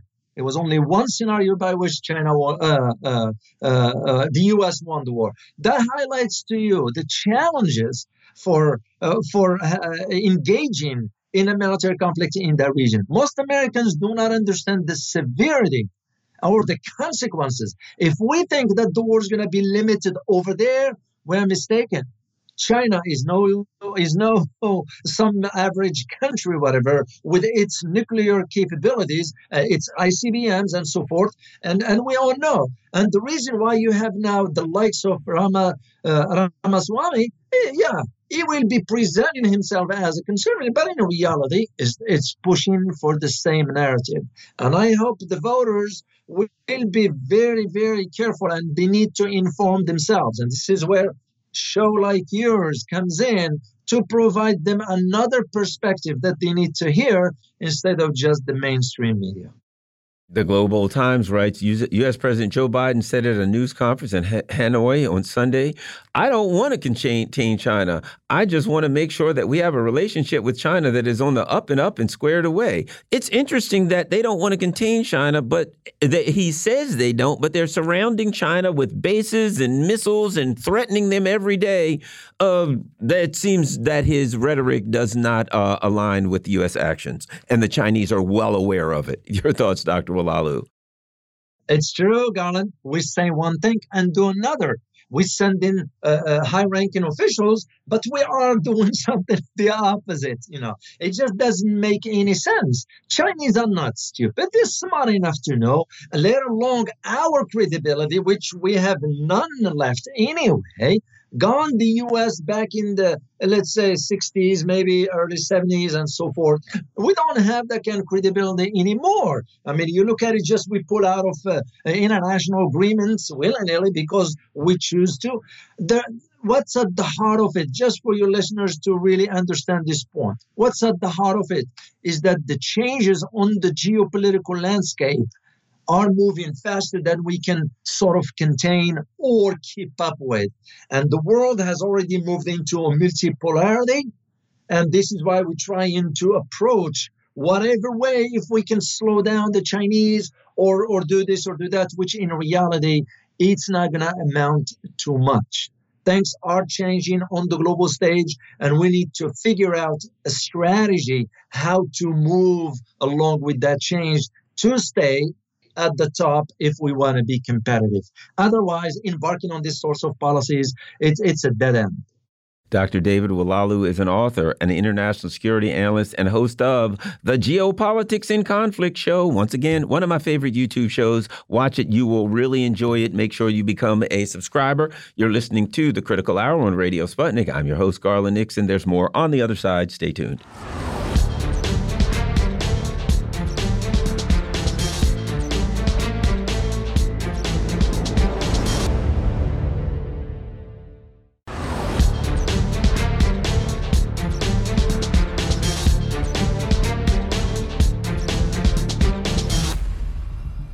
We are back, and you're listening to the Critical Hour on Radio Sputnik. I'm your host, Garland Nixon. Patrick Lawrence has penned an article in Consortium News in which he discusses the issue of American exceptionalism and how that mindset moves the empire towards violent confrontations worldwide. Joining us now to discuss this and more, we've got Ray McGovern. He's a former CIA analyst and co founder of Veteran Intelligence Professionals for Sanity. Ray, welcome back to the Critical Hour. Thanks, Garland. Great website, consortiumnews.com. I go there every day, lots of fantastic stories. And one of my favorite um, writers, Patrick Lawrence, writes Considering the common U.S. reaction to 9 11, we must ask can the U.S. do without its exceptionalist consciousness, or is this consciousness indispensable to America? Joining us now to talk about this, we've got Ray McGovern. Ray, American exceptionalism. Very interesting. You know, one of the things that we hear in America is this Christian Judeo, you know, this is part of our heritage, our history, this is part of who we are. American exceptionalism, it's not humble. It doesn't appear to, you know, I grew up in a church. American exceptionalism does not seem to jive, as we say, with Christ, with the, the, the what what I was taught is Christian values. Anyway, your thoughts, Ray McGovern. Well, Garland, you clearly uh, grew up in a in a in a church that was oriented towards justice. Um, most other churches fall in very nicely with this notion of a city on the hill and the U.S. being that city. Uh, Lawrence's piece, Patrick Lawrence's piece, is the best I've seen on this issue. It's really terrific. I, I recommend all your listeners to to read it. Uh, it appeared first on Sure Post, by the way. Consortium News ran it uh, this morning. Um, reduced to its simplest, uh, I go back to the nursery school encounter I had with uh, one of my very young grandsons at the time. I was helping manage the, the crowd there, and it was incredibly easy to manage. I mean, there were no fights. It was incredible. And after it was all over, I went to the teacher and I said, This is really amazing. These are four, five year olds, no fights. What's going on here? she said, Mr. McGovern, come in here. And we went into the office, and there was this table, and there were six chairs, and there were four toys on the table. And she said, uh, "Mr. McGovern, how many chairs do you have here? Six. How many toys? Four. Well, that's it, Mr. McGovern. I'm, I said, I'm sorry. She said, the important things to teach them, they have to share. Okay. There's only a certain number of things in this world, and they have to share. And once they get that through their minds, they're, they're fine with each other. They share things. Now, if you contrast that with what George Kennan said in the first policy planning paper after the war for the State Department, he said, Now, you know, um, we, the US, control 50% of the world's natural resources, but we're only about 9% of its population. And so our task is to make sure that we maintain this this equilibrium. We can't be sidelined by thoughts of, you know, soft power and natural rights and so forth. It will come in the exercise of hard power, period. End quote. George Kennan, 1948. That's the policy. We have a disproportionate amount of the toy, so to speak, and our policy has to be to prevent anybody else from making a more equitable distribution. You learned that in your African uh, African American church, I imagine. Uh, I didn't learn that so much. I didn't learn that so much in my in my uh, Christian Judeo Christian church. But we have to learn that because time's running out, and I got some horrible examples to give you about that later on if you wish. Yes, you know uh, one of the things that um, uh, I, I, find interesting is he talked about Richard Hofstadter. Now, what I remember Hofstadter from was the that famous article he wrote called "The Paranoid Style." Um, but he talks about um, this historian, and he talks about the the concept of the uh, psychology behind the uh, American exceptionism and whether that is an ideology, an idea that is supported by internal logic. Is is is uh, America a nation um, is you know when we talk about the physical, the the people, the land, etc. Is that the de def definition of America, or is it an ideology? If it's an ideology of American exceptionalism, then when that ideology dies, then America, as we define it, disappears. Your thoughts about that that conversation? It's disappearing as we speak. Uh, Lawrence makes a point of dissecting the word ideology it comes from the word for idea and for logic. And he says that within it has a sort of an internal logic to it, like Marxism, for example. Okay. But to the outside world, that ideology can look really strange. And that's how our ideology of exceptionalism looks right now. You know, I'm reminded, uh, it was a short, less than a year ago, when Vladimir Putin, the president of uh, Russia, got up and he said before a major gathering, you know, Solzhenitsyn, Alexander Solzhenitsyn, you know, what he said was, quote, a continuous blindness, a continuous blindness of superiority is typical of the West, end quote. And then Putin added, you know, Alexander Solzhenitsyn said that in 1978. Nothing has changed. Belief in one's infallibility is just one step away from the desire of the infallible to destroy those they do not like. And this is arrogantly rejected. They reject all others. And Putin ends. I want to emphasize this they reject all others contemptuously and disdainfully, as if everyone else were second rate while they were exceptional. End quote. Well, there's the nub of it, okay?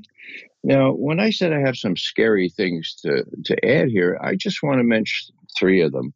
One is that China is supporting Russia now. It's two against one. That is a tectonic shift that cannot be disregarded. Number two is in Ukraine, the U.S. is losing just as it lost in Vietnam.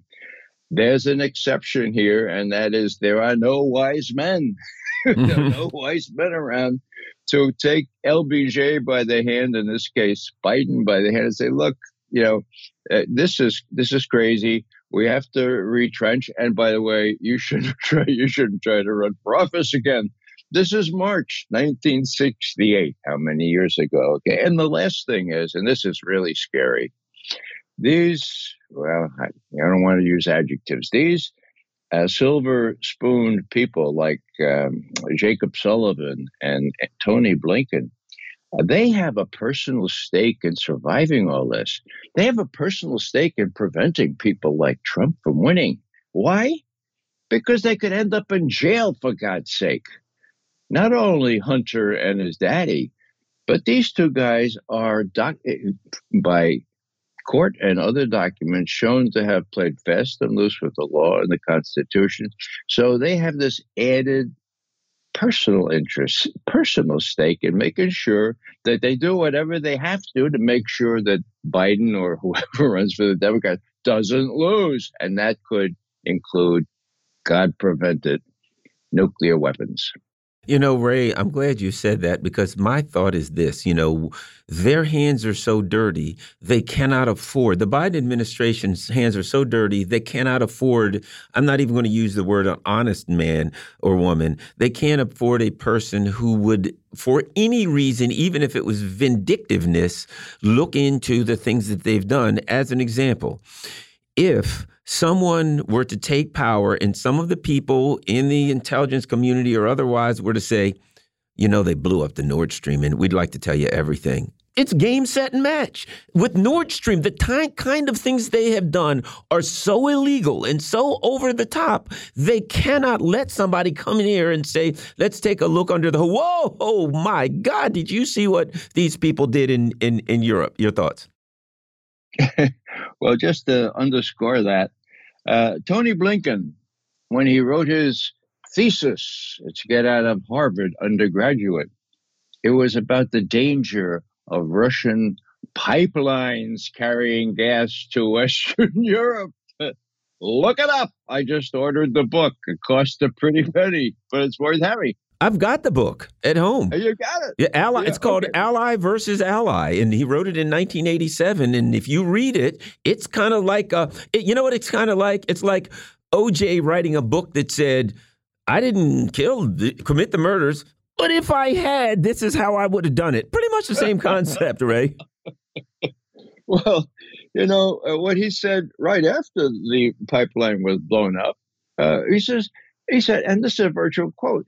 This is a terrific opportunity to end European dominance on Russian gas and oil and, and so forth. So this is really a oh, what more evidence do you need as to who blew up this damn pipeline? This pipe dream that is circulated in the West that it was the Ukrainians. My God, you know, you can believe that. I can sell you a bridge uh, that goes over the East River. Well, and uh, ScheerPost, another great article, 9 11 Never Remember. And it's interesting because they bring up things such as, you know, and, and again, when you when you look at what the Ukrainian conflict, and there are, you know, the RAND uh, uh, report in 2019, there's a big new Brzezinski's uh, book. There's all of these indications that the U.S. said, this is what we want to do, and they did it. And in this article, they bring up some things that happened prior to 9 11 that implied that the neocons were more than happy to see 9 11 happen. And then there were some really strange things going on with the uh, with the anthrax attack. Ray, your thoughts? Garland, again, this is a great article. It's done by a young fellow who studied under studies under Robert Scheer. His name is Max. Look him up, okay? Now, I made several of these points yesterday on judging freedom. Uh, don't know if you know, I'm a regular now with Judge Napolitano. But he gave me almost a half hour to rehearse uh, what I call the mother of all cover ups. In other words, who did it, how they did it, and all that stuff. Well, I don't know exactly chapter and verse, but I know chapter and verse about the cover up, and I elucidate that yesterday. It's on my website as well, raymcgovern.com. Yeah, certainly appreciate it. And looking at 9/11, I mean, the one the the thing that we can take from that, I think, and and and this particular article is is the discussion about the level of influence that these extremists, the neocons, are violent extremists. I personally use the word use the word fascist. They're expand they're violent, militaristic expansionists who have no qualms about taking other people's stuff by force. That to me is the definition of fascism, Ray. Well, uh, back in the day when I was on active duty at the CIA, for example, we called them the crazies, okay? quote, crazies, end quote. Now, who else called them that? the guy I worked for, his name was George H.W. Bush. And I have documentary proof because we maintained a, com- a conversation uh, by, but mostly by, by, uh, you know, by mail, regular U.S. mail. Uh, and I warned him about the crazies uh, when his son came in and he wrote back and he said, Ray, you know, I too had some concerns about the crazies, but don't worry about it. My son is really, really smart. well, you know, you can be devoted to your son. That's a nice thing. But in matters of state, as with Biden and son, it can be very noxious. And then, so ultimately, what we get um, now is from these crazies, we get a conflict that is an existential threat to humanity, Ray. We got two minutes. Well, you know, I was thinking about Ukraine and this idea of exceptionalism or indispensable, as uh, Madeleine Albright called us. Well, you know, uh, Putin is right on this. Uh, if you are uh, indispensable, other country, countries are by definition dispensable. Okay? That means that people like Madeleine Albright can say the death of a half million Iraqi children under the age of five due to the sanctions is worth it. That means that Biden and company can say the death of 400,000 young Ukrainian troops is worth it. We got to get rid of this. Read Patrick Lawrence, think about it, and think especially about the danger of a tactical nuclear exchange, given the given the personal stake that these well-heeled advisors to Biden now have in this whole fracas. We've been listening to uh, Ray McGovern. He's a former CIA analyst and co founder of Veteran Intelligence Professionals for Sanity. Go to raymcgovern.com. That's raymcgovern.com. That's his website. Check it regularly. You can see all the work that Ray's doing. He puts links to his videos, he puts links to lots of uh, interviews. So, raymcgovern.com is the place to go. Check it daily. You're listening to the Critical Hour on Radio Sputnik. I'm your host, Garland Nixon. There's more on the other side. Stay tuned.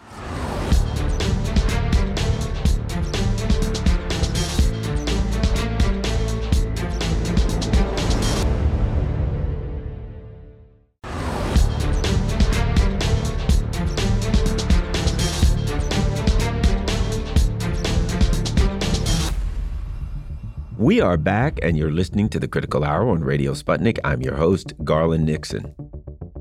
The Puebla Group is demanding a formal apology from the U.S. for the coup in Chile in 1973. Joining us now to talk about this and more, we have Dan Kovalik. Dan's a writer, he's an author, he's a lawyer, and he's a friend of the show. Dan Kovalik, welcome back to the Critical Hour. Thank you for having me.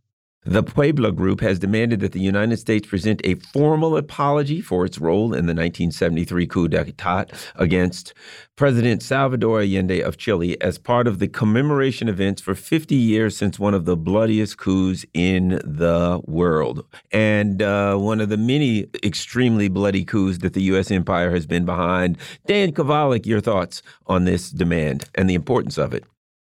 Yeah, well, I think it's overdue. I think people need to realize that this coup, amongst the many coups the U.S. has in, in, been involved in, is one of the worst. It destroyed the longest constitutional democracy that existed in uh, Latin America. And it installed a fascist dictator in General Augusto Pinochet, who killed at least 3,000 people, tortured tens of thousands of others and who ruled for uh, the next, I believe, uh, at least 14 years, I think till 1987. Um, so this was a disastrous coup, not just for Ch- uh, Chile, but the region, because then um, Pinochet became part of Operation Condor, which spread the the fascism throughout the southern cone of of Latin America, including to Argentina, Uruguay, Paraguay. Um, and it took a long time. I mean, it's just been until recently that the Pinochet constitution was voted out in in Chile. So you know, the reverberations of that coup continue to this day. You know, one of the important things I think that we can learn from that was that it was really economic, that the Pinochet coup of 1973 was used to institute neoliberalism. This was the first real incubator of, of neoliberalism. Your thoughts on that, the importance of that in this dynamic? Yeah, and that is correct. So, as different commentators have said, uh, when Allende was overthrown, they uh, they sent down the Chicago boys to Chile, and who did they mean by that? They meant economists out of uh, University of Chicago who helped um, put in place, as you say, neoliberal economic policies. And a lot of people use the term neoliberal now in an incorrect way. And what it means and what it meant then and what it really means is an economic policy of, of really unfettered capitalism in which um, national industries are privatized, in which regulations are lifted, um, including labor and environmental regulations. It's basically unfettered capitalism. In the case of Chile, uh, it also allowed for the unfettered exploitation of Chile's resources and industry by transnational corporations. And that was really the reason behind the coup, because Allende was trying to um, to support labor who were uh, agitating uh, within various industries, including the copper industry there, his policies were cutting into the profits of those companies. And that's why they wanted him removed. And again, they put in place an economic system uh, where the, the type of regulations on companies, which are good for workers and good for the environment, were lifted. You know, one of the things that I think is important is also, and that is that fascism was necessary in order to institute neoliberal policies. That in order to come into a country and say, here's what we're going to do, we're going to have policies that hurt your environment, that reduces the benefits to your citizens, that fires government workers. We're going to do all the things that the masses would not like. They had to institute a fascist government to do that. So the beginning of neoliberalism had to be ushered in by a fascist government. Now, here's my point, Dan. We are moving in that direction now with the level of censorship. What's going on with Julian Assange, the, you know, the Uhuru movement, the attacks on socialism, on press freedom, on a protesting, etc. I would argue that this is the other bookend of that fascism, wherein, in order, once this these same policies that make the lives of average working people miserable start to come to fruition and the misery sets in, you now have to have fascism to keep the masses from breaking out of those policies. You need fascism to get them in, and now you need fascism to hold them in. Your thoughts, Dan?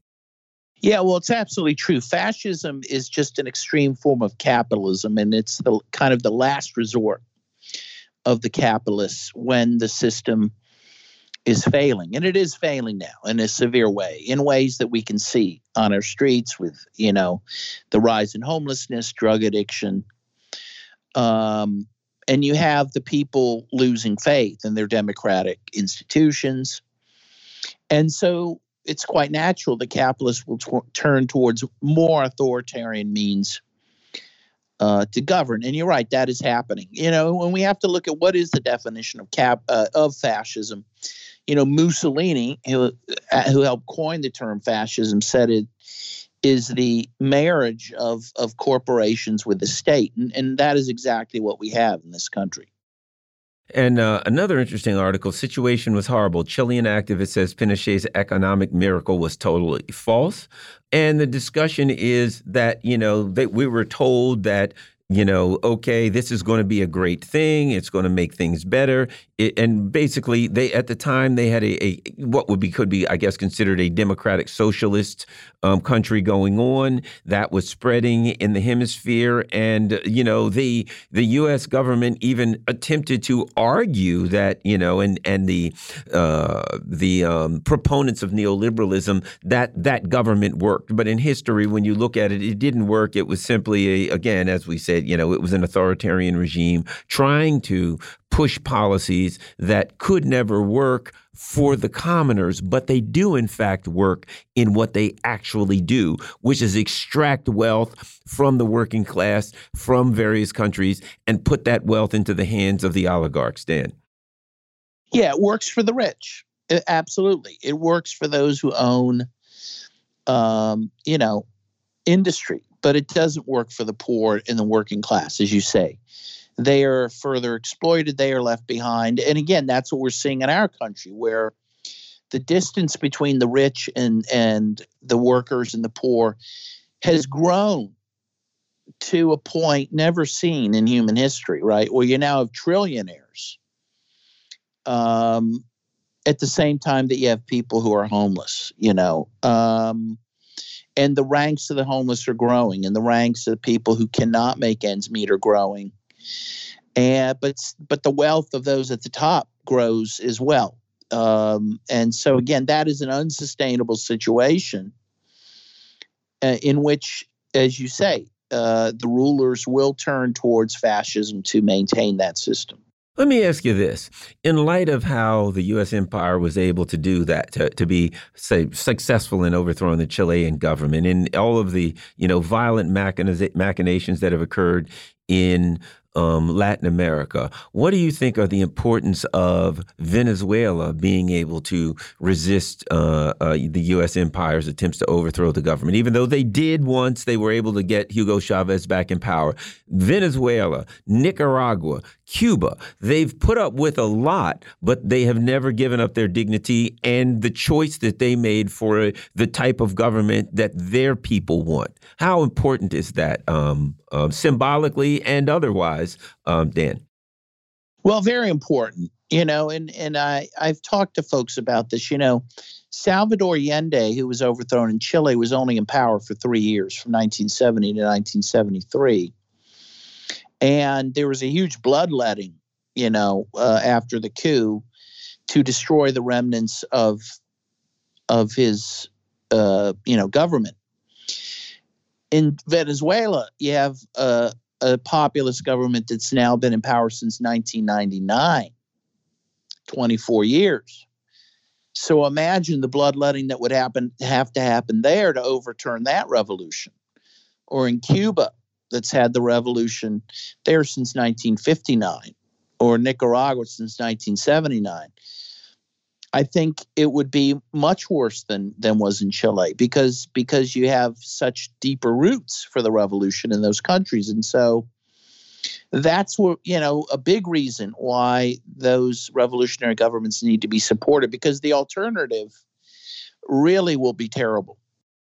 I agree. The other thing I see about the revolutionary governments in is that they are seem to be the ones that are the most likely to push back against. Well, they're sanctioned out of commission, but the ones that are usually that are most likely to push back against um, U.S. foreign policy and say we do want to um, work with and align ourselves with Iran or China or Russia or some of the countries that the U.S. says these are our adversaries, and these countries uh, uh, either they're independent enough to say we'll work with who we want, or the U.S. created an environment where they have to go to the other countries that are sanctioned and attacked by the U.S. or some combination of both. Dan.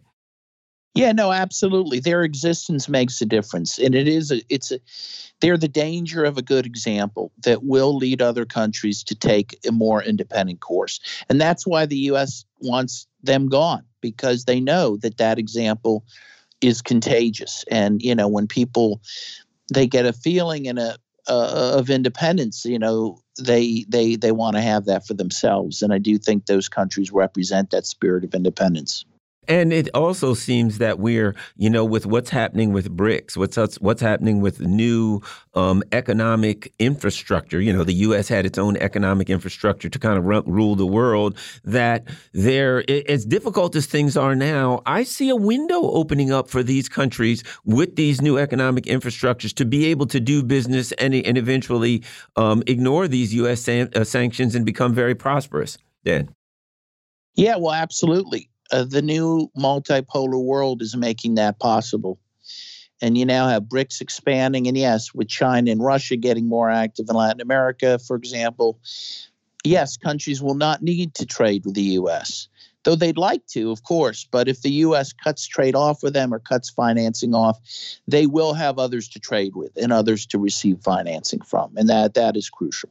Well, and the last but not least is um, China being a country that is socialist with its own particular characteristics and having uh, the level of success that it, that it has is probably makes the U.S. the most angry because how can they say to these South American countries, socialism actually doesn't work when China is, you know, beating them by by you know by lapping them basically in the race in the economic race. We got a minute. No, that's absolutely right. I mean, China is showing that socialism is possible, that it works not only that it works, that it works better than capitalism. And that, as you say, that's what it upsets the United States. And the U.S. knows it can't compete with China. That's why, it, you know, now it's threatening to go to war with China because it cannot compete with them economically. We've been talking with Dan Kovalik. He's a writer, he's an author, and he's a lawyer. Dan, where's your website so people can go there and find out more? Well, um, best way to find me is on Twitter at Daniel M. Kovalik. All right, Dan Kovalik, a good friend of the show. Follow him. He's got a lot of great books out, and um, I mean, how many books you got now? About five or seven? Seven, seven books now. Yeah. Yes. All right. Dan Kovalik, author. Check out his books. I've read a number of them. You've been listening to the Critical Hour here on Radio Sputnik. Thank you for allowing our voices into your space. On behalf of myself and my co host, Dr. Wilmer Leon, we hope you are informed and enlightened. We look forward to talking with you all tomorrow, right here on Radio Sputnik. Be safe, peace, and blessings. We are out.